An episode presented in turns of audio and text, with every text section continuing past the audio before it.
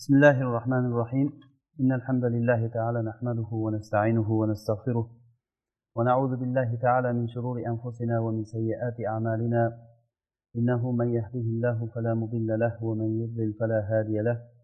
ونشهد أن لا إله إلا الله وحده لا شريك له. ونشهد أن محمدا عبده ورسوله صلى الله عليه وعلى آله وصحابته. ومن اهتدى بهذه إلى يوم الدين. وسلم اللهم تسليما كثيرا أما بعد السلام عليكم ورحمة الله وبركاته alloh subhanahu va taoloni madadi bilan biz qasos surasini tafsir qilishga davom etamiz bu muborak surada alloh subhanahu va taolo odamlardagi eng katta kamchiliklardan bo'lgan ya'ni noto'g'ri bir o'lchovni odamlardagi o'lchovni alloh taolo to'g'irladi bu o'lchov insonlardagi quvvat o'lchovi E, ya'ni sulton quvvati bilan molni quvvati moli dunyoni quvvati. Ko'pchilik aksar odamlar alloh taolo o'zi istisno qilgan olloh ilm bergan kishilardan tashqari odamlar mana shu ikkita quvvatda alloh taolodan emasligini bu narsa e, ba'zi bir shaxslarda yoki ba'zi bir narsalarda quvvat bor deb mana shu bilan adashganligini alloh taolo buni e, sultonni quvvatini fir'avnni misolida va molni quvvatini esa qorunni misolida alloh taolo ko'rsatib berdi. Biz fir'avn haqida suhbat qildik uni alloh taolo halok qilganligi va quvvat sulton hammasi alloh taoloniki ekanligini aytdik. Va aytdikki sulton bilan quvvat bu alloh taolo bersa bo'ladi bermasa bo'lmas ekan. Hatto ba'zi bir shunday ko'rinishlarni alloh taolo bayon qilib berdiki ba'zi kishilarga alloh taolo sultonlikni berib sultonlikni berib sultonlik asarini undan olib qo'yganligini ya'ni sultonlikdan kelib chiqadigan foydani manfaatni olib qo'yganligini ko'rsatib qo'ydi. O'zi sulton lekin odamlar ko'zida xor bo'lib ko'rindi. Va mol ham xuddi shunday bo'ldi. Ba'zi bir kishilarga alloh taolo moli dunyoni berdida lekin undan quvvatni olib qo'ydi. O'sha topgan moliga o'zi xuddi o'g'riday muomala qilib o'zini moliga o'zi o'g'ri bo'lib u molini u yoqqa yashirib bu yoqqa yashirib oxiri bu odamni halok bo'lishligiga mana shu moli sababchi bo'lib dunyodan o'tib ketgan qancha odamlarni alloh taolo ko'rsatib berdi. Alloh taolo bu moli dunyoni qorun shaklida ko'rsatib berdi bizga. Muhim biz aytdikki bu bu yerda muhimi kishilarni ismi emas va muhimi uni qanchalik darajada boy bo'lganligi emas. Eng muhimi bu yerda ma'no. Xuddi mana shu qorunda bo'lgan ma'no topilsa qiyomat kunigacha odamlarda mana shu muammo topilishligi mumkin. Uni qanday qilib davolash kerak? Ya'ni bizga kerakli bo'lgan narsa iymon o'rganishlik foydali ilm o'rganishlik. Biz mana shu uchun dars o'rganamiz ilm eshitamiz. Foydali biz dunyomizda va oxiratimizda foydali narsa o'rganishligimiz uchun. Ya'ni qoringa o'xshagan odamlar yoki qorinchalik bo'lmasa ham yoki qorindan katta boy bo'lsa ham shu ma'no topilsa bo'ldi. Undagi ma'no shu ediki bu narsalar hammasi meni o'zimdan bo'ldi. Qorin aytdiki bu narsalar hammasi o'zimdagi ilm bilan bo'ldi. Ya'ni mol bilan faxrlanishlik moli dunyo bilan va ilm bilan faxrlanishlik. Ilm bilan ya'ni bu ikkalasi bir biriga bog'liq narsa. Ko'proq mol topgan odamlar bu narsalar o'z o'zidan bo'lgan emas buni hammasi peshona terini evaziga bo'lgan. Yoshlikda o'qidik mehnat qildik mana peshona ter to'kdik o'shani evaziga mana shuncha narsa bo'lib turibdi deb fazlni ya'ni bu narsani mastarini kelib chiqish manbasini ollohga qaytarmasdan o'ziga nisbat berishligi mana shu ma'no odamlarda topiladi. Aynan shu kerak bizga. U shart emas qorinchalik molida dunyoga ega bo'lsa keyin kibrlanadi. Alloh taolo shunchalik katta bir boyni misol qildiki uni xazinalarni kalitini ba'zi bir katta bir jamoatlar zo'rg'a ko'tarib yubordi ya'ni qorinchalik bo'lmasa ham lekin shu ma'no topilsa bitta shaxsda topilishligi mumkin. Bu bitta ko'rinish bizga. Yana bir ko'rinishda shunday odamlar borki moli dunyodan mahrum bo'lgan moli dunyodan mahrum bo'lgan lekin uni qalbida xuddi qorinni qalbida bo'lgan noto'g'ri bir quvvat o'lchovi uni qalbida bor. U odam o'ylaydiki hamma kuch quvvat molda deydi. Moli dunyoda moli dunyosi bo'lsa hamma narsa yaxshi bo'ladi. O'zida hech narsa yo'q. Bir umr moli dunyoni havasida o'tib ketadi. Bir umr moli dunyoni havasida. Hattoki ba'zi bir insonlarni ko'rasizki shu moli dunyoga qattiq hirs qo'yganligidan vasvas bo'lib kasalga o'xshab qoladi. Mana shunaqa odamlarni ko'rganmiz. Ya'ni vasvas bo'lib turib bir joydan ikki vagon narsa kelyapti tushirib olinglar boringlar u yoqqa boringlar bu yoqqa boringlar deb gapirib qolgan odamlar bor. Boshqa narsada sop sog' odam. Lekin mana shu narsada o'sha katta katta yuk kelyapti tushirish kerak chiqarish kerak deb million million narsalarni gapirib gapirib qolgan odamlarni ko'rasiz. Bu ham bir odamlarni bir toifasi. Yana bir toifa odamlar borki ular ahli ilm bo'lgan kishilar alloh taoloni bizga o'rgatgan ilmlari bilan qur'onda o'rgatgan ilmidan bahramand bo'lgan shaxslar ular. Alloh taolo hammamizni mana shu toifasidan qilsin. Ular aytishdiki bu narsalar hammasi bir vaqtinchalik narsa. Sen ollohni bergan narsasi bilan bu narsa bilan sen shodlanmagin qo'lingdagi narsa bilan. Ular mana shu beshta qoidani hozir biz darslarimizda o'tgan darslarimizda ham buni mujmal tarzda ya'ni umumiy tarzda aytgan edik bugun shunga ba'zi bir misollar keltiramiz. Ular beshta qoida aytishdi. Asosan moli dunyoga berilingan odamlar bu bundagi bu ne'matdagi muomala ya'ni beshta narsa bilan rioya qilingan bo'lishlik kerak. Birinchisi bu ne'mat kelgan paytda inson shodlanmaslik kerak ekan. Ya'ni shodlanishligi ne'mat bilan shodlanmaslik kerak. Ollohni fazli bilan alloh taoloni in'omi bilan xursand bo'lishligi bu yaxshi narsa. Hattoki xursand bo'lishlikni alloh taolo ba'zi bir joylarda maqtab aytdi mo'minlar mana shu kuni xursandchilik xabari kelgan kunda ular shod bo'ladi xursand bo'ladi deb aytdi.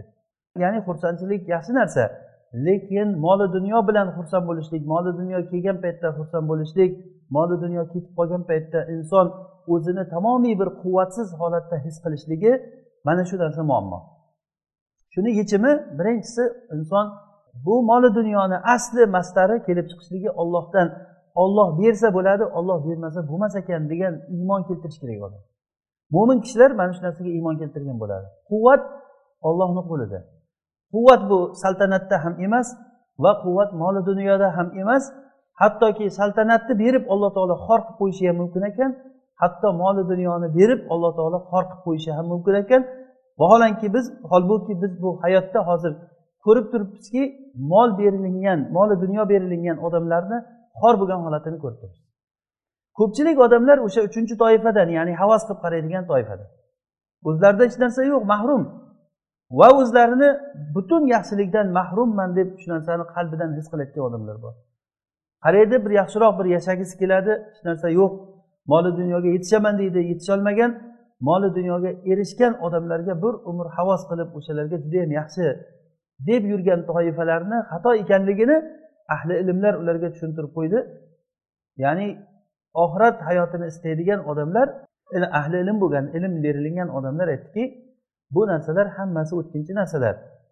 Alloh taolo ularni ko'zini oldida qorunni hovlisi bilan uy joyi bilan moli bilan cho'kirib yubordi yerga yutqizib yubordi mana bu narsani ko'rgandan keyin keyin kechagina qorinni holatini havas qilib turgan odamlar bugunga kelib turib eh qani yaxshiyam alloh taolo bizni qorundek qilib qo'ymagan ekan.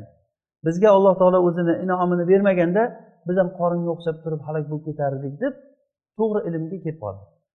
Odamlar agar bir ilm bilan sobit bir aqidada mustahkam ilmda bo'lmasa bir kun qarasangiz bir narsani havas qilib o'tirgan bo'lsa ertasi kuni qarasangiz o'sha narsani yo'qligiga shukur qilib o'tirgan bo'ladi. Bu narsa nimadan bu? Ilmsizlikdan bu. Tushunmaslikdan bu. Demak biz birinchi o'rinda ne'mat kelgan paytda shodlanmaslik kerak ekan. Ikkinchisi berilingan narsalardan olloh bergan narsalardan oxirat hovlisini istash kerak ekan. Bu mo'min kishini holati. Alloh taolo bergan narsalarni hammasida oxirat hayoti bo'ladi. Birinchi o'rinda bizni diqqat markazimizda bo'lgan narsa oxirat hayoti bo'ladi. Nafaqat moli dunyoda u hamma narsada. Bu yerda hozir qonun qilib alloh taolo aytyaptiki ma kalimasi umumni ifoda qiladi. Alloh taolo senga bergan narsani hammasida oxiratni ista demak asl birinchi o'rinda oxirat hayotiga qurilgan bo'ladi. Bizga berilgan kuch quvvat badanimizniki bo'lsin aqliy kuch quvvat bo'lsin ilm yoki boshqa bir moli dunyo bo'lsin mansab bo'lsin kerak bo'lsa mana. Nima bo'lsa ham oxirat hayoti birinchi o'rinda bo'lishi kerak. Va ikkinchi dunyo hayotida ham nasibangni unutma. Dunyodagi nasibangni unutma dedi alloh taolo. Dunyodagi nasiba ikkinchi o'rinda bo'lishi kerak ekan. Hattoki oxirat hayotidagi nasiba shunchalik bo'lishi kerak ekanki xuddi buni olloh subhanava taolo o'zini dinini bo'yoqqa o'xshatgan. Sibg'atalloh. Vaman ahsanu minallohi sibg'a. Sibg'a degani arab tilida o'zi bo'yoq degani. Ya'ni din bu ollohni dini dedi alloh taolo. Ollohni dinidan ko'ra yo'l ko'rsatishdan ko'ra kim yaxshiroq yo'l ko'rsatadi? Ya'ni nega alloh taolo o'zini dinini bo'yoq deb aytyapti chunki bo'yoq kiyimni bo'yagan paytda bo'yoq kiyimni juzlarini hamma joyga kirib ketadi. Agar din kishida bo'layotgan bo'lsa hamma joyingizda din ko'rinishi kerak. Bir joyda ko'rinib bir joyda ko'rinmayotgan narsa din bo'lsa. Hatto ba'zi musulmonlar bor uni musulmonmisan? deb so'ramaguncha bilib bo'lmaydi shaklidan. O'zini tutishi yurishi hech musulmon kishiga o'xshamaydi. Hatto muomalalarda ba'zi bir narsalarda islomni qilsa ko'p narsalarda islomga amal qilmaydi. Oilaviy masalalarda islomga amal qilmaydi boshqa narsalarda birodarchilik bilan birodar u bu deb boshqa muomalalar yaxshi bo'laveradi. Jamoat namoziga yaxshi qatnashadida silay rahmni qilmaydi. Demak buni bilingki biz kecha o'tgan darsimizda adolat bilan ehson haqida gapirgan edik. Adolat bilan ehsonni farqini aytib bergan edik. Va aytgan edikki adolat qilmagan kishi ehson qilolmaydi kimki agar ehson qilib adolat qilmayaptimi u odamni qilayotgan ehsoni bilingki ollohni yuzi uchun emas olloh uchun emas. O'zini shahvati uchun bo'lyapti. Nima sizgadir to'g'ri kelib qolgan? O'sha uchun ehson qiladi. Odamlarga ehson tarqatadi. Yoki hajga borib keladi masalan. Ko'rinishda hajga borib kelishlik ehson bo'lib ko'rinadi. Olloh yo'lida nafaqa qilish qurbonlik qiladi masalan. Qurbonlik qilishlik ehson bo'lib ko'rinadi. Lekin o'sha shahvat bu. Chunki buni qayerdan bilasiz? Shahvatligini chunki qurbonlik qilgan odam molini ribodan pul topib pul topadi. U odam aniq biladiki shu ribo haromligini. Lekin ishlayveradi qilaveradi. Ehson qilgan odam hozir qurbonlik qilib so'yib xalqqa tarqatib olloh uchun qon chiqaradigan odam savob umidida bo'layotgan bo'lsa buni topadigan bir ribodan kelayotgan puli la'nati degani bu. Alloh taolo la'natlagan. Rasululloh sollallohu alayhi vasallam ochiq ochiq buni la'natlagan. Shuni bilib turib davom etaversa bu odam demak adolat qilmayapti bu. Qanday qilib turib bu haromdan tiyilinmagan odamni ehson qilishligini tasavvur qilishlik mumkin? Shuning uchun qaysi bir odam bir tomondan agar ehson qilib turib boshqa tomondan adolat qilmaydigan bo'lsa ya'ni bu qoidaga o'xshaydi albatta buni istisnolari bor. Aksar holatda aytishingiz mumkinki buni qiladigan ehsoni olloh uchun emas demak alloh subhanava taolo o'zini dinini sibg'atalloh deb atadi. Nega sibg'at? Nega bo'yoq dedi? Chunki bo'yoq kiyimni oralariga oralab kirib ketadi. Biror bir joyda ochiq joy qolmaydi o'sha yerga bo'yoq kirib boradi. Din xuddi shunday narsa. Insonni hayotiga kirib kelgan narsa. Biror joyda alloh taolo ochiq qoldirmadi. Javobsiz qoldirmadi. Hech bir masalada. Tijoratda deysizmi? Siyosatda deysizmi ijtimoiy masalalarda deysizmi madaniy masalalarda hech qaysi bir joyda shariatni hukmidan xoli bo'lgan joyi yo'q. Hattoki insonni o'zidagi holatlarda kiyim kiyishingiz hattoki hojatxonaga borish odoblarigacha aytib berdi hojatxonaga borib hech qaysi kitobda bunaqangi darajada odob o'rgatilinganligini ko'rmaysiz. Qur'onda odob axloqni asoslarini bayon qildi. Jumlatan bayon qildi va tafsilan bayon qildi. Tafsilan bunga misollar keltirdi. Mana bugun inshaalloh shu bir misolni ba'zi bir misollar o'qiymiz inshaalloh shu haqda. Va keyin uchinchisi birinchisi demak moli dunyo kelgan paytda shodlanmaslik kerak ekan.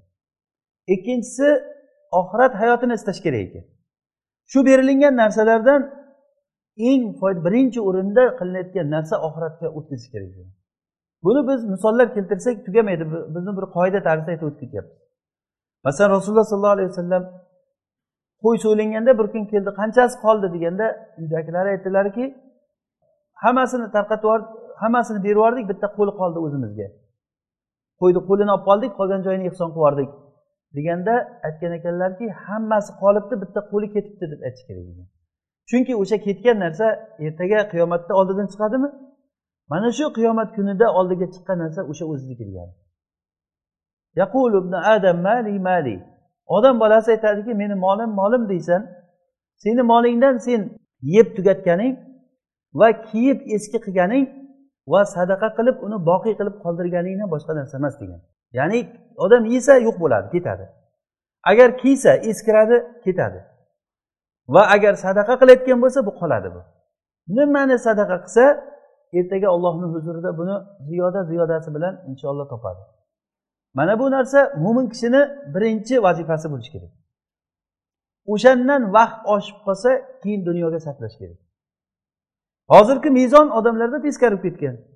Oxiratni ishi ikkinchi darajali. Farzandlarini haligi hech narsaga yaramaydigan kishini diniy o'qishga o'qishga beradi. Bu deydi bu boshqa narsalarni yolchitolmaydi deb turib diniy o'qishda o'qitadi va farzandini judayam qobiliyatli qobiliyatli deb o'ylagan farzandini dunyoviy o'qishda o'qitadi. O'zi aslida buni aksi bo'lishi kerak. Birinchi o'rinda bizni ko'z diqqat markazimiz oxiratda hayoti bo'lishi kerak. Alloh taolo aytyaptiki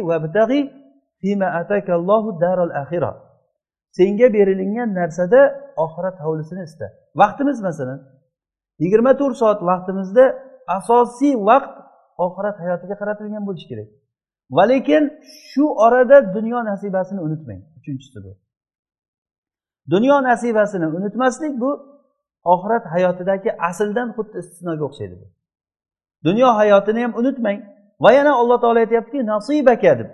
Nasibang degani bilinadiki insonni nasibasi bor dunyo hayotida undan boshqa narsa bo'lmaydi. O'sha nasibangni olasan degani. Harakat qilsa ham oladi harakat qilmasa ham o'sha nasibasi insonniki keladi. Inson dunyo hayotidagi nasibasini ham unutmasligi kerak. Va to'rtinchisi va ahsin kama ahsanallohu ilayk.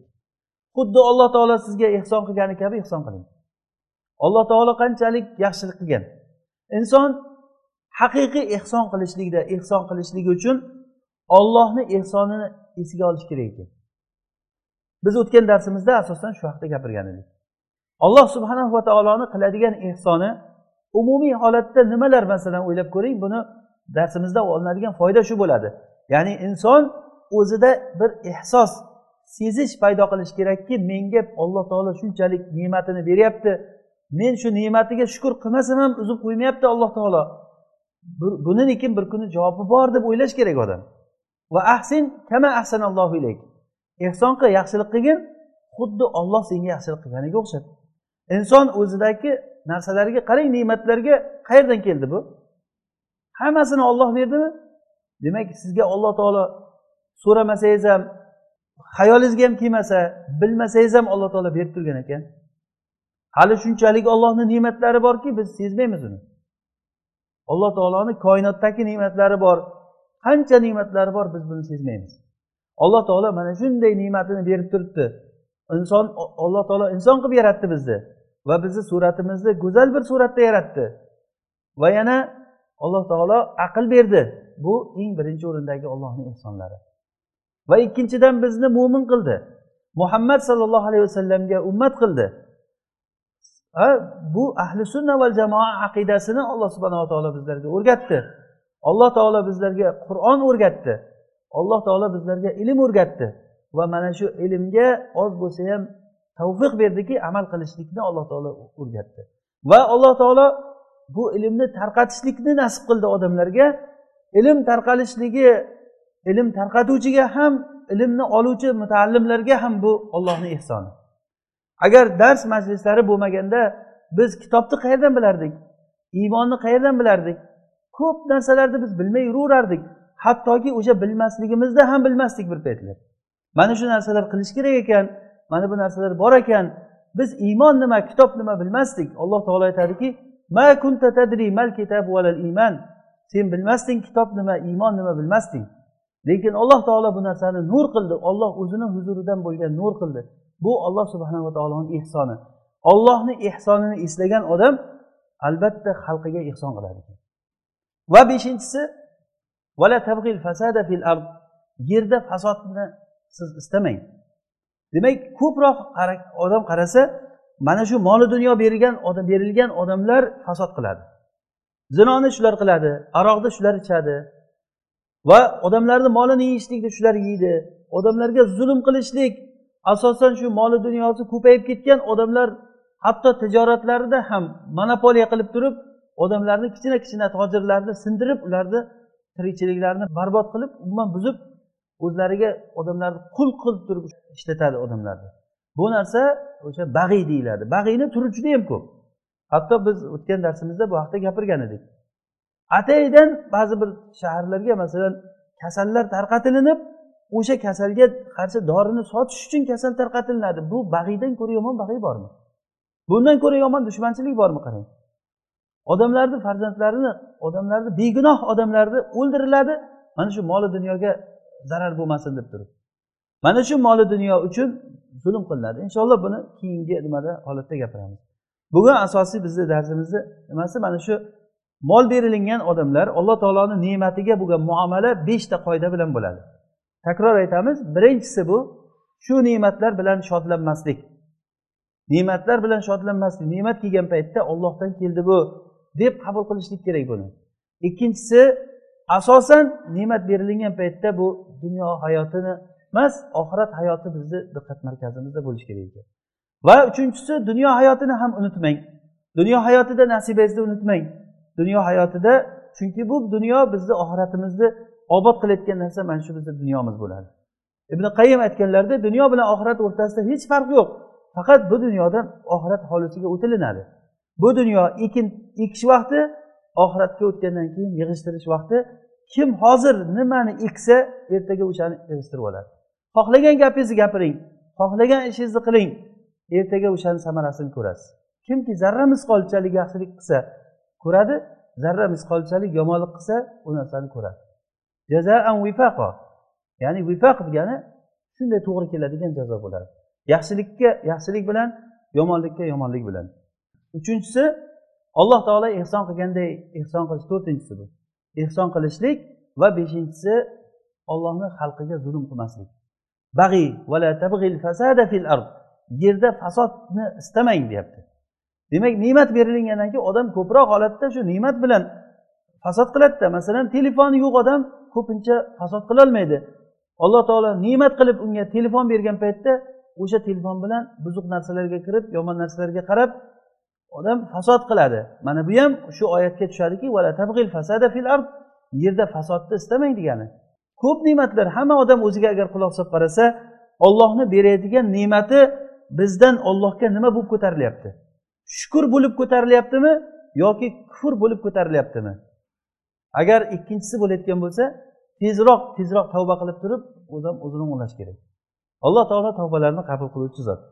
Alloh taoloni ehsonini agar qur'on orqali biz o'rganadigan bo'lsak alloh taolo ehsonni qur'onda bir necha turlarini gapirib berdi qur'onda bir necha turlarini ya'ni qaysiga qaraydigan bo'lsak agar qur'onda muhsinlar haqida ehson qiluvchilar haqida gapirgan bo'lsa alloh taolo o'zi aslan birinchi o'rinda biz bilishimiz kerakki alloh taolo muhsin ismi bor.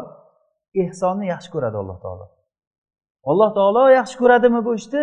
Demak biz o'z uz o'zidan ehsonga qarab intilishligimiz kerak. Va buni qanday intilishligimiz kerak? Ba'zi bir salaflarni hayotlaridan biz inshaalloh vaqtimiz qolsa bir namunalar aytamiz.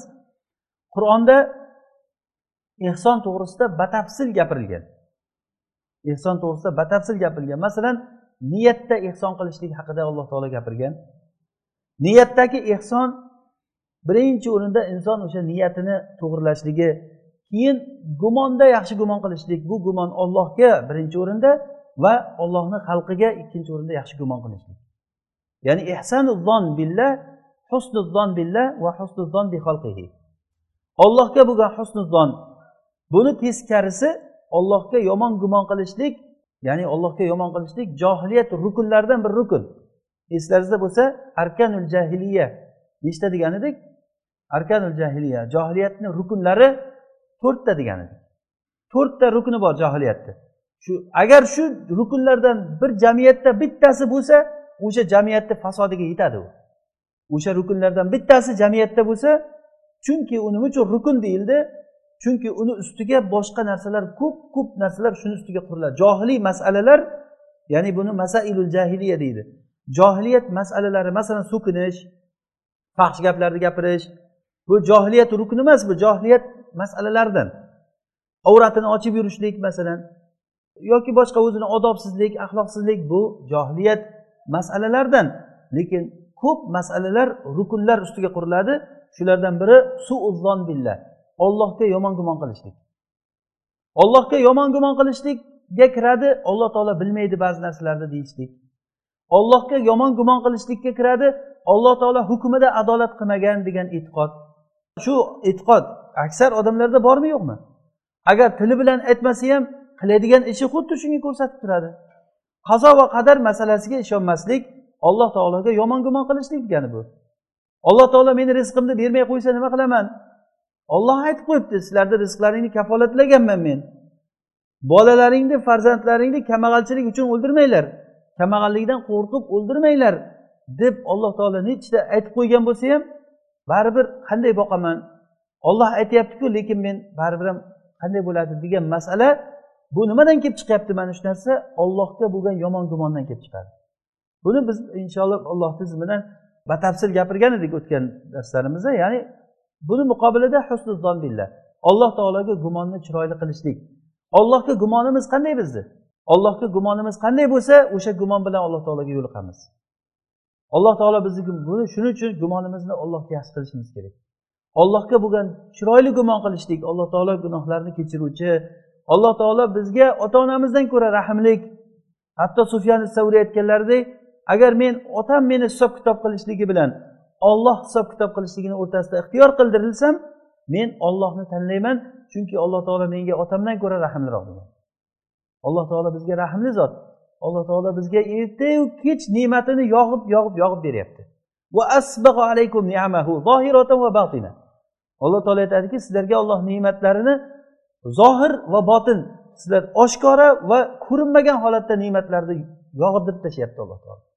Asbag'o ya'ni alloh taolo ustimizga xuddi yomg'irni quydirganday ne'matni quydiradi va yana ehsonni turi odam o'ziga o'zi yaxshilik qilishligi. O'ziga yaxshilik qilishligi biz o'tgan darsimizda aytgandik eslaringizda bo'lsa inson o'ziga bo'lgan ehsonini eng yaxshi ehson qaysi degandik eng yaxshi ehson la ilaha illalloh deyishlik. Chunki la ilaha illalloh deyishligiz insonni do'zaxdan saqlab qoladi. Inson agar o'zini nafsini do'zaxdan saqlab qolsa o'ziga ko'p yaxshilik qilgan bo'ladi. O'sha uchun ham inson do'zaxda turgan paytda olloh asrasin do'zaxda eng yomon ko'rgan kishisi o'zi bo'lar ekan odamni ya'ni alloh taolo do'zaxga kirgizgan paytda odamni odam har narsaga osilib ko'radi. Meni mana ular adashtirdi mana bular adashtirdi imomlarim adashtirdi deb unga osiladi bunga osiladi. Keyin hech qaysidan bir darak bo'lmagandan keyin odam o'ylab qarasa hammasiga o'zi aybdor. O'sha kuni inson o'zini o'zi shunchalik yomon ko'rib nafratlanib ketar ekanki men hayotda yashab nima qildim? Ollohni ne'matini yurib.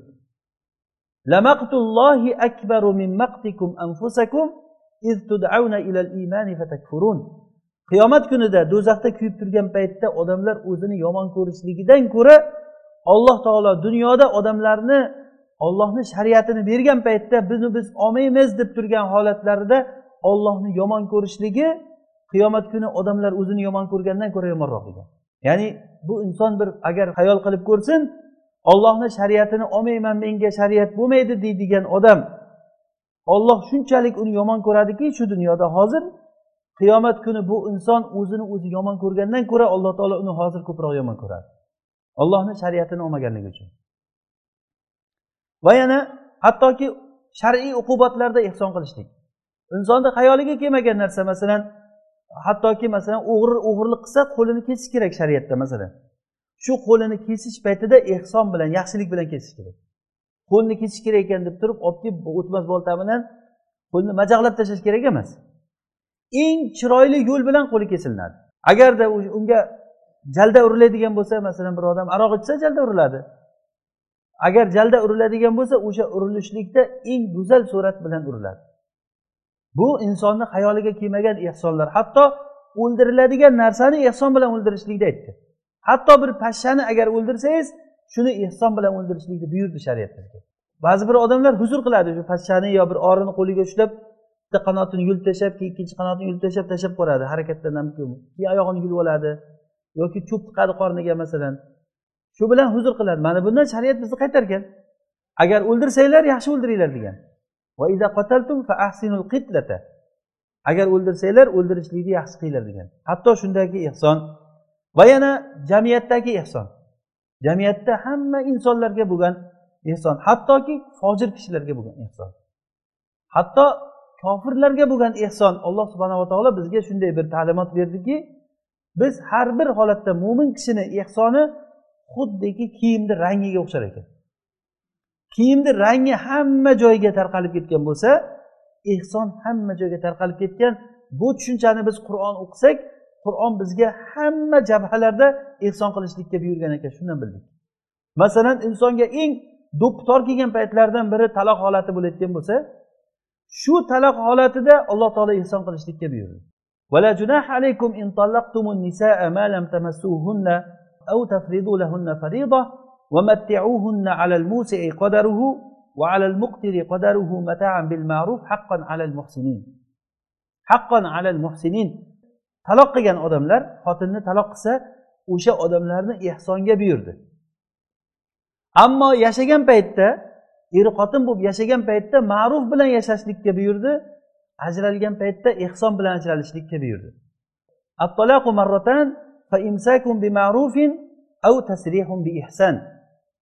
taloq agar er xotinni taloq qilmoqchi bo'lsa ikkita taloq bilan xotinini javob bersa keyin o'sha ikkita taloqdan keyin inson xohlasa qaytarib olishligi mumkin. Agar qaytarib oladigan bo'lsa ma'ruf bilan yashash kerak. Ya'ni xotin qilib xotin o'rnida emas xotinmas bo'lib xotinmas o'rnida emas. Bu o'sha ma'ruf bilan yashash kerak. Agarda javob berayotgan bo'lsa u xotinga ehtiyoji bo'lmasdan agar ajralishlikni xohlayotgan bo'lsa ehson bilan ajralishlik kerak. Aksar holatda biz bundan g'ofil qolamiz. Hujur yo'llariga o'tib ketilinadi ya'ni inson do'ppitor kelgan bo'lgan holati bo'ladi bu. Hech kim o'sha ajralish paytida men ehson bilan ajralishligim kerak degan narsa kimni xayoliga keladi. Alloh subhanava taolo mana shu paytda ehson qilishlikka buyurgan. Av tasrihum bi ehson yaxshilik bilan ehson deganligi ya'ni o'tgan darsimizda ehsonni ta'rifini aytgandik. Ehson nima degani edi?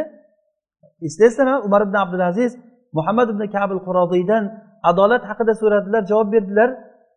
O'zingdan kichkinani o'g'ling o'rnida ko'rishliging o'zingga teng kishilarni o'zingni birodaring deb ko'rishliging o'zingdan kattalarni otang o'rnida ko'rishliging va muslimani ayollarini xuddi shu o'rinda ko'rishliging.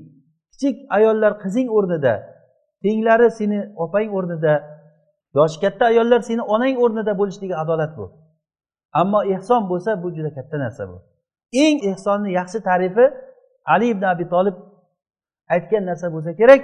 U kishi aytdilarki ehson degani seni uzib qo'ygan odamga aloqani tiklashliging va seni mahrum qilgan odamga yaxshiligingni berishliging ehson bo'ladi. Mana abu bakr roziyallohu anhuni misoli katta bir misol bo'ldi bu. Mistah ibn asasa degan sahobiy abu bakrga qarindosh bo'lgan. Abu bakr oyma oy u kishiga ehson qilib turgan. O'shanday bo'la turib oysha onamizga u kishi zino qildi deb turib tuhmat qilgan.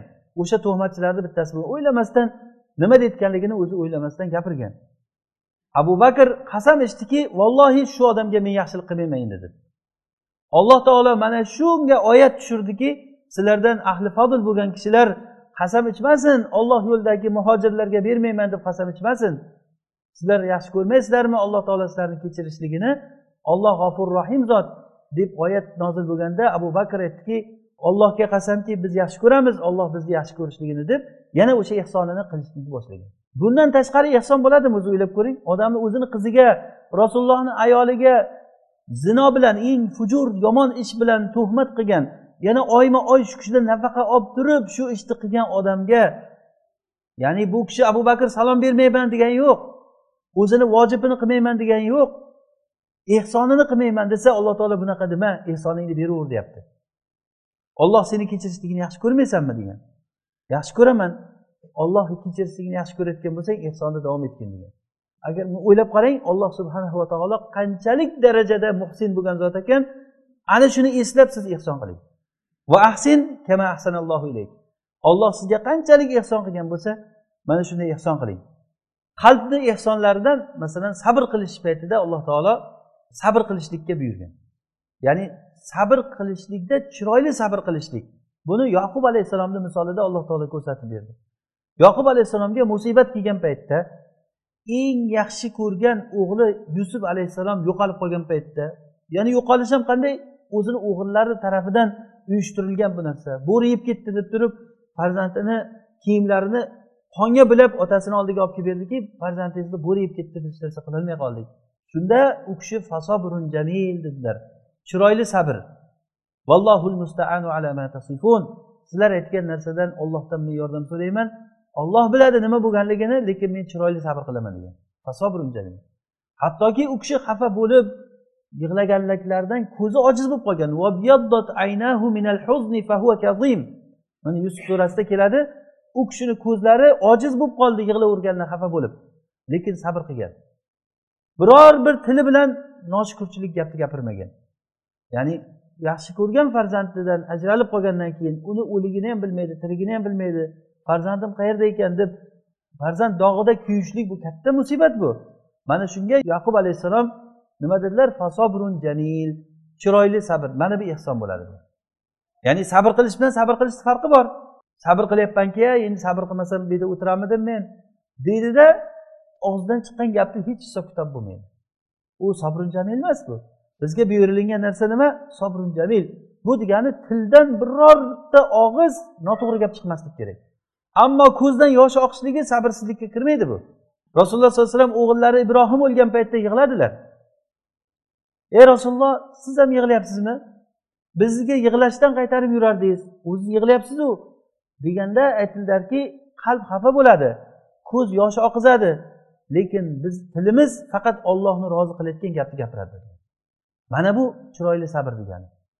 Biz sendan ajralganligimizga xafamiz ey ibrohim deb yig'ladilar. Ya'ni ikki yashar o'g'illari ibrohim dunyodan o'tgan vaqtida. Amr ibn maymun roziyallohu anhu rivoyat qilgan hadisda ba'zi bir salaflar hayotidan ehsonga bir misol aytmoqchiman. Umar ibn hattob roziyallohu anhuni o'limidan bir necha kun oldin ya'ni aniqrog'i uch kun oldin umar roziyallohu anhu o'lishligidan uch kun oldin men umarni ko'rdim degan amr ibn maymun umar roziyallohu anhu o'shanda huzayfat ibn yamon bilan usmon ibn hunayfni ikkalasini chaqirib ularni ikkalasini sadaqa yig'ib kelishlik uchun jo'natgan bo'lgan. Ya'ni sadaqa yig'ish emas ba'zi joylarga yerlarga borib o'sha yerdan olinadigan sadaqani belgilab kelishlik uchun mana bu yerdan buncha berasan bu yerdan buncha berasan deb davlatga topshiriladigan soliqlarni soliq deb atasak uni u asli o'zi haroj deyiladi. Soliq deyilmaydi. Bu istilohda shu xarojlarni belgilab kelishlik uchun jo'natganlar. Ular kelgandan keyin umar ibn hattob ular bilan suhbatlashib sizlar nima qildilaring? Odamlarga yerdan hosili chiqmaydigan darajada katta narsani yuklab yubormadilaringmi deb so'radilar. Yo'q biz o'sha unday qilmadik deganda men qo'rqaman odamlarga sizlar zulm qilib qo'ygan bo'lishliklaringdan mana bu kishini qilgan ehsoni robba rosa shunga uch kun o'tgandan keyin uch kun to'rtinchi kuni ertalab bomdod vaqtida men safni ikkinchisida turgan edim deydilar amr ibn maymun. Men safni ikkinchisida meni oldimda faqat ibn abbos bor edi. Undan keyin imom deb turadigan joy o'sha joyda turganimda umar ibn hattob bomdod namoziga chiqdilar. U kishini odatlari orqa tarafdan kelardilarda har safni to'g'riga kelgandan saflarni tekislanglar deb aytardilar. Agar tekis bo'lmasa to'g'rilanglar safni deb saf to'g'ri bo'lsa ikkinchi safga o'tardilar. U saf to'g'ri bo'lsa keyingi safga oxiri mehrobga kelardilar. Safni tekisda ko'pincha u kishi yusuf surasini shu kabi suralarni o'qirdilar. Ya'ni bu odamlar yig'ilishligi uchun uzun suralarni o'qirdilar. Namozni o'shanda boshlagan paytlarida namozni abu lulua degan bir mug'irat ibn shubani quli ikki tomoni hanjar qilingan pichoq bilan shu tayyorlanib ichiga solib bomdod namoziga kelgan va orqaroq safda bo'lganda shu umarga borguncha o'n uch kishini yorib tashlagan. Ikki tomondan shunday pichoq bilan urib urib o'tgan yettita odam o'sha yerda shahid bo'lgan. Yettita odam shahid bo'lgan qolganlarini jarohatlab tashlagan. Shunday borib umar roziyallohu anhuni qornini pichoq bilan yetib yuborgan. Keyin shu holatda keyin bir sahobiy uni holatini ko'rgandan keyin ustidagi kiyimini ustiga otib yuborgan paytida o'sha paytda meni ushlab oladilar deb o'zini o'zi yorib tashlagan o'zini o'zi o'ldirgan o'sha joyda shu holatda umar ibn hattob bu kishini ehsonlaridan biri abdurahmon ibn avfni o'sha qorni yirtilib ketgan holatida abdurahmon ibn avfni tortib o'rniga o'tkazib qo'ygan. Namozni abdurahmon ibn avf davom ettirib ketdilar men uni ko'rib turardim deydi amr ibn maymun. Buni ko'rgan odamlar men ko'rgan narsani ko'rdi lekin ko'rmagan odamlar masjid qorong'i bo'lgan bomdod namozi qorong'i paytida o'qilingan. Ko'rmagan odamlar faqatgina umarni ovozi o'chib o'rniga abdurahmonni ovozi chiqqanligini bilib qoldi degan. Nima bo'lganini hech kim bilmay qoldi degan. Bu yerda hozir aytmoqchi bo'lgan joyimizki o'sha sahobalarni namozdagi qilgan tutgan yo'lini ehsonini ya'ni namozda turgan joyida ularni ishi namoz bo'lgan. Hozir shu yerda yettita odamni o'ldirib o'n uchta odamni yorib yorib tashlayaptida xalifani ham yorib yuborsa orqasidagi odamni namozga tortib turib namoz davom ettiryapti. Namoz bo'lgandan keyin umar ibn hattobni ko'tarib uyiga olib bordilar shunda odamlar ba'zilari yo'q hech narsa qilmaydi inshaalloh hech narsa qilmaydi dedilar. Ba'zilari yo'q bir kattaroq ish bo'lganga o'xshaydi men qo'rqyapman degan. Shu kuni musulmonlar go'yoki shungacha hech musibatlanmaganday bir qattiq musibatga tushdi. Ya'ni ular umar ibn hattobni adolati u kishini siyosati odamlarni hammasini qamrab olgandi. Hozir bu hadisimizni davomida keladi. Bu kishi borgandan keyin keyin ibn abbosga aytdilarki qarachi meni kim o'ldiribdi? dedilar. Kim o'ldiribdi degandan keyin borib ancha vaqt ketdilarda qaytib kelib turib abu lulua degan bir majusiy odam ekan. Bu mug'irat ibn shubani quli ekan degan. Shunda alhamdulillah meni o'limimni islomni davo qiladigan kishini qo'lida qilmadi alloh majusiy bo'lgan odamni qo'lida qildi degan. Bu abu lulani hozir shiyalar katta qabr qilib turib qabrini mashhad qilib turib qabriga yozib qo'yibdi. Shahid abu lulua deb yozib qo'yibdi. Qabrini masalan ziyorat qiladi. Chunki u umarni o'ldirganligi uchun. Buni qarang qanchalik darajada ahli sunna bilan ularni o'rtasida katta bir tafovut bor ularda farq qancha katta. Keyin umar ibn hattob aytdilarki mug'irat ibn shobaniki degandan bu madinadagi uluvchilar uluj deb turib o'sha kofir bo'lib kelib madinaga kelgan qullar aytiladi. Shu ulujlarni ko'paytirma deb turib sen bilan otangga necha marta aytgan edim deb ibn abbosga aytgan. Ibn abbos va u kishini otasi abbos ibn abdul muttolib bu kishilarni qullari ko'p bo'lgan. Nihoyat darajada nimadan o'sha iroq u taraflardan qullarni olib kelib turib sotgan boshqa bo'lgan ko'p boy kishilar bo'lganligidan o'sha qul quli ko'p bo'lgan. Umar bunga boshdan teskari e, nima bo'lgan ekan? Rozi bo'lmagan madinaga bunaqangi odamlarni madinaga rasulullohni shahriga yaqinlashtirmaslik kerak deb ko'p gapirardim degan. Lekin o'sha ablahga abu luloga men yaqinda men aytgan edim uni sayyidiga ko'p buni xarojini ko'paytirib bunga zulm qilmagin sal yengillatgin degan edim shunga degan. Ya'ni o'shanga ham ehson qilganlar u kishi. Keyin umar ibn hattob aytdilarki men o'zimdan keyin bo'ladigan xalifaga vasiyat qilaman. Birinchi vasiyatim muhojirlarga yaxshilik qilishlikka vasiyat qilaman. Ularni dindagi fazlini e'tirof etsin. Ularni islomga qilgan xizmatlarini hech esdan chiqarmasin xalifa va ikkinchi vasiyatim ansorlarga ansorlarki ular ular muhojirlar hali madinaga kelishdan oldin iymonni iymonga kirib hovli joylarni tayyorlab muhojirlarga tayyorlab berib turgan ansorlarni haqqini rioya qilsin. Ularni yaxshilaridan yaxshiligini qabul qilsin. Yomonlik qilganlarni yomonligidan kechirsin degan. Va yana men vasiyat qilaman aroblarga yaxshilik qilishligini. Ularni fazlini bilsin aroblarni. Chunki ular islomni quvvati va bu arablar islomni o'zi asli moddasi bo'ladi. Ya'ni musulmonlar mana shu arablardan chiqqan. Ular islomni xarojini yig'ib keladigan islomni boyligi va dushmanlarni g'azablantirayotgan toifa shular bo'ladi degan. Va hatto ahli zimmalar haqida gapirdilar. Ahli zimmalarga yaxshilik qilinglar. Ularni ahli zimmalarni yelkalariga og'ir botayotgan narsalarni yuklamanglar dedilar. Mana bu misollar muhojirlarga ansorlarga aroblarga ahli zimmaga qilgan u kishini vasiyatlari u kishini ehsonlari mana shu. Ya'ni bu kishini bu o'zi asli ta'rifga muhtoj emas bo'lgan narsa bular. Buni bir misol tariqasida aytamiz. Va yana o'shanda aytganda ibn abbos roziyallohu anhu bu holatni ko'rib ta'sirlanib ey amirul mo'minin istasangiz hammasini o'ldirib tashlayman shu qullarni degan. Bekor aytibsan dedilar. Ular sizlarni tillaringda kelib gapirgandan keyin sizlarni omonliklaringga kirgandan keyin kelib turib endi ular sizlarga o'rgangandan keyin o'ldirasizlarmi degan. Ularni o'ldirmaysan balki ularga yaxshi muomala qilinglar degan. Mana shu bilan umar ibn hattobni dunyodan o'tishliklari ya'ni bu o'zi asli uzun nima voqea bu. Umar ibn hattobni dafn qilishligi va boshqa bu kishini ehsoni haqida mana shu namozdagi holatini ehsonini aytmoqchi edim. Va yana u kishini o'lish paytidagi vasiyatlari vasiyatini agar o'qib qaraydigan bo'lsak hamma islomdagi hamma jabhani o'z ichiga olgan bir yaxshiliklarni gapirib ketganlar usmon ibn affon roziyallohu anhu bu kishi oldilariga ubaydulloh ibn adi ibn xiyor kirib usmon ibn affonda o'sha fitna bo'lgan paytida madinada u kishini uyiga qamab qo'yib uyidan chiqarmasdan masjidda o'sha fitnani imomi namoz o'qib berib turgan. Besh vaqt namozga fitna imomi namoz o'qib berib turgan. Sahobalar usmonga yordam beramiz deb oldiga necha marta kirgan paytlarida agar kim menga itoat qilaman desa qilichini qinidan chiqarmasin men bunga noroziman agar urush bo'lsa degan. Men uchun qon to'kilmasin degan. Sahobalar qattiq turgan bunga. O'zi kuch bo'lgan. Agar himoya qilsa qila oladigan darajada kuchi bo'lgan sahobalarni lekin usmonni o'zi qo'ymagan. Usmon o'zi o'ylaganki u kishini ishtihodi bo'lgan. Men o'lishim bilan shu fitna yopilsa men shuni o'zimni o'zim qurbonlik qildim shu narsaga deb o'ylagan u kishi. Xuddiki bu rasululloh sollallohu alayhi vasallamni bashoratlari bir kuni bir bog'da rasululloh sollallohu alayhi vasallam o'tirgan paytlarida abu bakr kirdi izn so'radilar. Aytdilarki bashorat beringlar abu bakrga izn bering kirishga va bashorat bering jannatdan bashorat bering degan. Abu bakr kirib keldilar. Ozroqdan keyin umar izn so'rayapti deganda izn beringlar va jannatdan bashorat beringlar degan umar kirib kelgan. Rasululloh quduqqa oyoqlari tushirib o'tirgandilar abu bakr kelib rasulullohni yoniga o'tirdi. Umar kelib rasulullohni yoniga uch kishi o'tirgandan keyin hududi atrofi to'lib qoldi. Keyin usmon izn so'radi. Shunda bashorat beringlar unga jannatdan izn bering kirishga va jannatdan bashorat bering unga yetadigan musibat evaziga degan. Mana shu musibat u kishini o'limidagi bo'lgan u kishini shahid bo'lishliklari bo'lgan.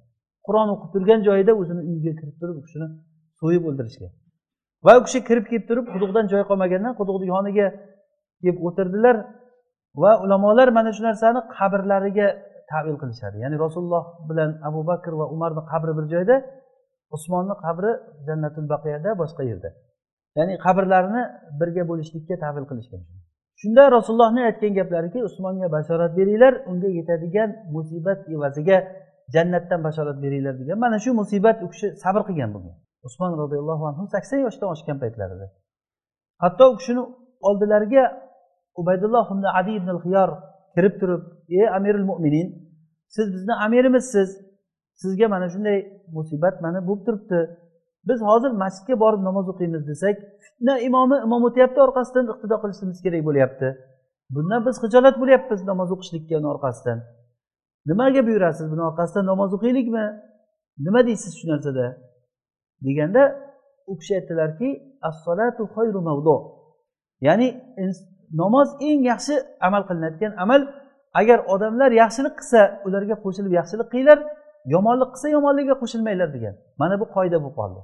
Demak musulmon kishini vazifasi agar yaxshilik qilinadigan bo'lsa biz yomon ko'rgan kishilar ham yaxshilik qilayotgan bo'lsa o'shalarga qo'shilib yaxshilik qilishligimiz mumkin ekan. Va agarda yomonlik ishi bo'layotgan bo'lsa yaxshi ko'rgan kishilarimiz agar yomonlik qilayotgan bo'lsa ham uni yomonligiga qo'shilmaymiz. Mana bu musulmon kishini manhaji bo'ladi. O'shanda usmon roziyallohu anhuni gaplariki ya'ni namoz eng yaxshi amal. Agarda odamlar in ahsana nas fa ahsin ma'hum agar odamlar yaxshilik qilsa sen ular bilan birga ehson qilgin yaxshilik qilgin. Agarda ular yomonlik qilayotgan bo'lsa ularni yomonligidan o'zingni chetlantirgin degan. Mana bu narsa o'sha salaflarni hayotidan bir misol bu. Bu narsalar alloh subhanava taolo qur'onda ehson haqida hozir biz aytdik masalan taloq masalasini yoki diya masalalarini aytdik qur'ondagi. Diya masala inson umuman xayoliga kelmaydigan holatlarda alloh taolo ehson qilishlikka buyurgan.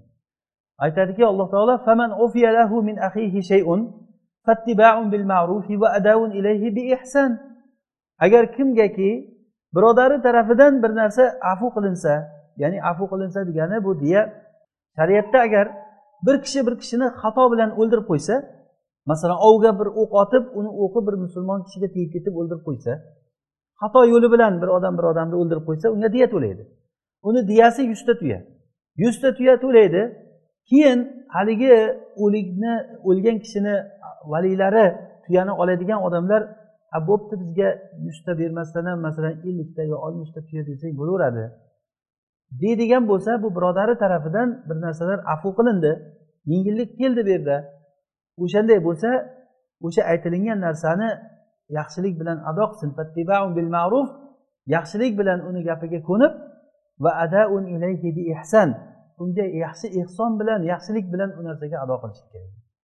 Mana bu narsa ehson bo'ladi. Hatto mana shu holatlarda ham taloq holatlarida ham va boshqa joylarda hattoki eng musulmonlarga qiyin bo'lgan masalan urush holatlarida ham alloh taolo ehsonga buyurdi. Alloh taolo aytadiki fi sabilillahi va la tulqu bi aydikum ila tahlukati va ahsinu. Innalloha yuhibbul muhsinin. Sizlar olloh yo'lida nafaqa qilinglar va o'zlaringni halokatga tashlamanglar ehson qilinglar imom g'azzoliy rahimaulloh ayni shu oyatni tafsirida aytgan ekanlarki alloh taolo bu yerda hozir ehson bilan nafaqa mana shu narsaga buyurdi. Bu ikkita narsa ya'ni ehson degani inson nafaqa qilishligi degani birinchi bo'lib turib eng katta nafaqa o'zini ruhini olloh yo'lida nafaqa qilishlik o'zini yo'lini o'zi olloh yo'lida o'zini atashligi odam. Mana ibrohim alayhissalom olloh yo'lida o'zini o'g'lini atadilar. Bu judayam og'ir narsa agar o'zini o'g'lini qo'li bilan so'y degan buyruqda so'yishligi o'zini o'g'lini mana olloh yo'liga atashligi. Hattoki u kishini o'zlarini olovga tashlagan paytda shu olloh uchun olovga qarab sakrab ketyaptilar. Mana bu narsa ehsonni eng katta turiga kiradi. Va nafaqa qilishlik bu nafaqa qilishlik olloh yo'lida nafaqa qilishlikka alloh taolo buyurdi bu nafaqani ziddida halokat keladi. O'zlaringni halokatga tashlamanglar degan. Halokatga tashlashlik olloh yo'lidagi nafaqani to'xtatib qo'yishlik bo'ladi. Olloh yo'lida nafaqani to'xtatishlikni odam o'ziga najot yo'li deb biladi buni. Ya'ni olloh yo'lida bir kishi bir nafaqa berib turgan bo'lsa o'sha nafaqani orqasidan bir musibat kelmasin deb shu nafaqani to'xtatadi. Aslida alloh taolo aytyaptiki shuni to'xtatmanglar to'xtatsanglar sizlarni halokatlaring keladi degani. Qaysiki bir ummat hatto imom g'azzoliy aytadilar buni arablar yaxshi bilib qo'yish kerak. Qo'rqoqlik bilan baxillik ikkalasi bu odamlarni halok qildi. Biror bir davlat biror bir jamiyat vujudga kelib turib oyog'ida tikka turolmaydi mana shu ikkita sifat bo'lmasa. Nafaqa bilan jasorat. Bu ikkita narsa bo'lmasa shuning uchun rasululloh sollallohu alayhi vasallam ko'p o'rinlarda alloh taolodan baxillik va qo'rqoqlikdan panoh tilardilar. Allohimma inni auzu bika minal buxli val jubn. Baxillikdan va qo'rqoqlikdan panoh tilayman degan. Mana shu narsa baxillik bilan qo'rqoqlik aynan ehsonni ziddi va olloh yo'lida nafaqa qilishlikni ziddi bo'ladi oxirgisi bu bag'iy qilishlik bu zulm qilishlikdan tiyilishlik. Ya'ni bu hozir biz xulosa qiladigan bo'lsak ollohni ne'mati bilan muomala qilishlikni o'rganyapmiz hozir. Ya'ni hammamiz ne'mat sohibimiz. Hammamiz. Biror bir odam yo'qki menga olloh ne'mat bermagan deyolmaydi. Mana shu ne'matda biz qanday ollohga qanday muomala qilishimiz kerak ekan? Birinchi nima qilishimiz kerak ekan? Birinchi bu ne'mat bilan shodlanmaslik kerak. Agar sizni gavdangizni boshqa birodarlarni gavdasidan kattaroq qilib kuchingizni ko'proq qilib qo'ygan bo'lsa siz kuchingizni ularga ko'rsatmang. Bu shodlanishga kiradi. Alloh taolo buni yaxshi ko'rmaydi. Kim agar o'zini quvvati bilan faxrlanadigan bo'lsa bilib qo'ysinki alloh taolo uni yaxshi ko'rmaydi. La tafrah la yuhibbul farihin. Bu birinchisi. Ikkinchisi olloh bergan narsani hammasini oxirat uchun ishlatish kerak ekan. Bu asl bu. Uchinchisi dunyoni ham unutmang. Dunyoni unutmang. To'rtinchisi ehson qiling. Beshinchisi zulm qilmang. alloh subhanahu va taolo bu darslarimizga baraka bersin alloh taolo eshitganlarimizga amal qilishlikka o'zi tavfiq bersin bu darsdan maqsadimiz bizni iymon o'rganishlik alloh subhanava taologa mo'min bo'lib yo'liqishlikni o'rganamiz biz inshaalloh bu narsalarda biz uchun katta bir foydalar bor alloh taolo o'zi davom etsin darsimizni سبحانك اللهم وبحمدك نشهد أن لا إله إلا أنت نستغفرك ونتوب إليك